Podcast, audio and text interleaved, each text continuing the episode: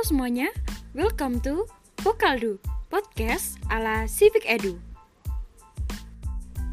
Apa kabar nih kalian? Sehat-sehat semuanya kan? Ya, seperti yang kalian tahu, sekolah-sekolah di Indonesia saat ini memberlakukan pendidikan jarak jauh. Atau kalian pasti menyebutnya dengan daring atau dalam jaringan atau pembelajaran online. Tapi tidak apa-apa. Dengan pembelajaran online, kita masih tetap bisa belajar kok seperti biasanya. Atau lebih seru lagi dengan mendengarkan podcast di Edu ini. Oke, langsung saja pada materi kita hari ini, yaitu tentang peristiwa dan dinamika masyarakat terkait dengan nilai-nilai dalam Pancasila. Nah, sebelumnya kalian udah paham belum sih terkait dengan makna yang terkandung dalam sila-sila Pancasila itu. Ada banyak banget loh. Kita akan bahas satu-satu juga terkait dengan peristiwa yang telah terjadi selama Pancasila ini ditetapkan sebagai dasar negara Indonesia. Yang pertama nih, pada awal kemerdekaan sekitar tahun 1945 sampai 1959 penerapan Pancasila sebagai dasar negara dan pandangan hidup menghadapi banyak sekali masalah. Ada juga upaya-upaya untuk mengganti Pancasila sebagai dasar negara dan penyimpangan yang terjadi terhadap nilai-nilai Pancasila. Antara lain, yang pertama nih, ada pemberontakan Partai Komunis Indonesia atau sering disebut dengan PKI di Madiun pada tanggal 18 September 1948 yang dipimpin oleh Musso. Tujuannya apa sih? Tujuannya yaitu mendirikan negara sendiri yang bernama dengan Negara Soviet Indonesia. Negara Soviet Indonesia ini direncanakan memiliki ideologi komunis atau mengganti Pancasila dengan paham komunis. Namun, hal ini dapat digagalkan. Lalu, yang kedua ada pemberontakan Darul Islam Tentara Islam Indonesia atau biasa dikenal dengan DITII. Pemimpinnya bernama Sekar Maji Marijan Kartosuwiryo. Pemberontakan ini ditandai dengan didirikannya Negara Islam Indonesia atau NII oleh Kartosuwiryo pada tanggal 7 Agustus 1949. Tujuannya tidak lain dari tidak bukan lagi hampir sama seperti PKI tadi, yaitu mengganti Pancasila sebagai dasar negara lalu diganti dengan syariat Islam. Kalau tadi kan PKI diganti dengan komunis, lalu yang pemberontakan DITII ini diganti menjadi menurut syariat Islam. Namun, dalam pergerakannya bertentangan dengan ajaran Islam sebenarnya. Tindak lanjut dari pemberontakan ini Kartosuwiryo bersama para pengikutnya ditangkap pada tanggal 4 Juni 1962. Lalu, yang selanjutnya ada pemberontakan Republik Maluku Selatan atau dikenal dengan RMS. Dipimpin oleh Christian Robert Stephen Sumokil yang bertujuan untuk membentuk negara sendiri. RMS ini didirikan pada tanggal 25 April 1950. Pulau-pulau terbesarnya adalah di Seram, Ambon, dan di Buru. RMS ini di Ambon dikalahkan oleh militer Indonesia pada bulan November 1950.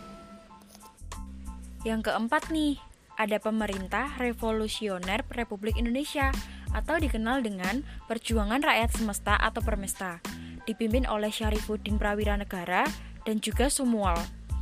Um, sekitar tahun 1957 sampai 1958, jadi hanya setahun saja. Permesta ini terjadi di Sumatera dan di Sulawesi. Gerakan ini merupakan bentuk koreksi untuk pemerintahan pusat pada waktu itu yang dipimpin oleh Yang kelima nih, ada Angkatan Perang Ratu Adil atau disingkat dengan APRA. Melakukan pemberontakan pada tanggal 23 Januari 1950 dengan melakukan serangan dan menduduki kota Bandung, serta menguasai markas staf divisi Siliwangi. Westerling merencanakan untuk menyerang Jakarta, tetapi usahanya dapat digagalkan. Yang keenam nih, ada perubahan bentuk negara dari Republik Indonesia Serikat menjadi Negara Kesatuan Republik Indonesia.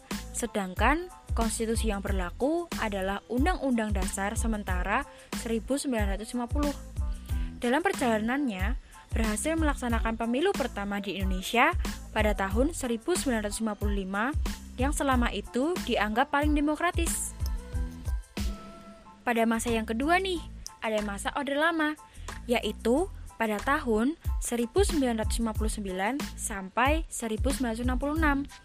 Penyimpangan terhadap Pancasila dan UUD NRI pada tahun 1945 yaitu yang pertama Presiden Soekarno ditetapkan sebagai presiden seumur hidup berdasarkan TAP MPRS nomor 20 garis miring 1963 yang menyebabkan kekuasaan presiden semakin besar dan tidak terbatas.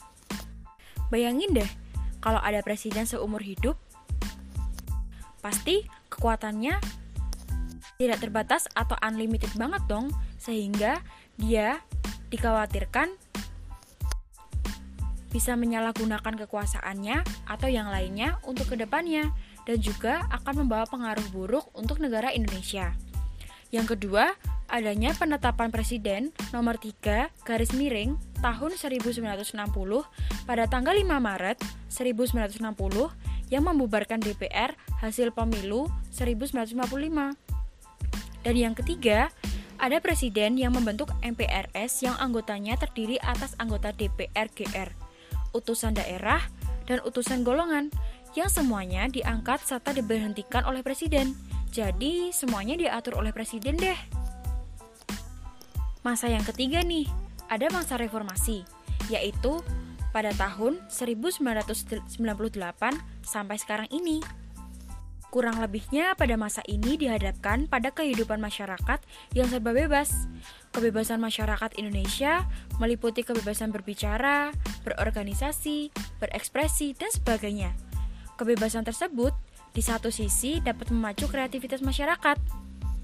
Tapi ada sisi lainnya juga nih, yaitu bisa mendatangkan dampak negatif yang merugikan bangsa Indonesia itu sendiri. Kira-kira begitulah peristiwa dan dinamakan masyarakat yang telah terjadi sebelum kemerdekaan hingga sekarang ini.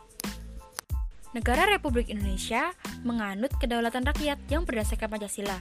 Kedaulatan tersebut dikenal dengan demokrasi Pancasila yang memiliki makna demokrasi yang dijiwai oleh nilai-nilai Pancasila sebagai satu kesatuan asas atau prinsip utama demokrasi Pancasila yaitu mengambil keputusan melalui musyawarah dan mufakat. Segitu dulu ya untuk Pokaldu hari ini. Jangan lupa untuk ikuti episode-episode berikutnya yang masih membahas tentang Pancasila dan kewarganegaraan. See you in the next episode of Pokaldu, podcast Civic Aldu. Bye-bye!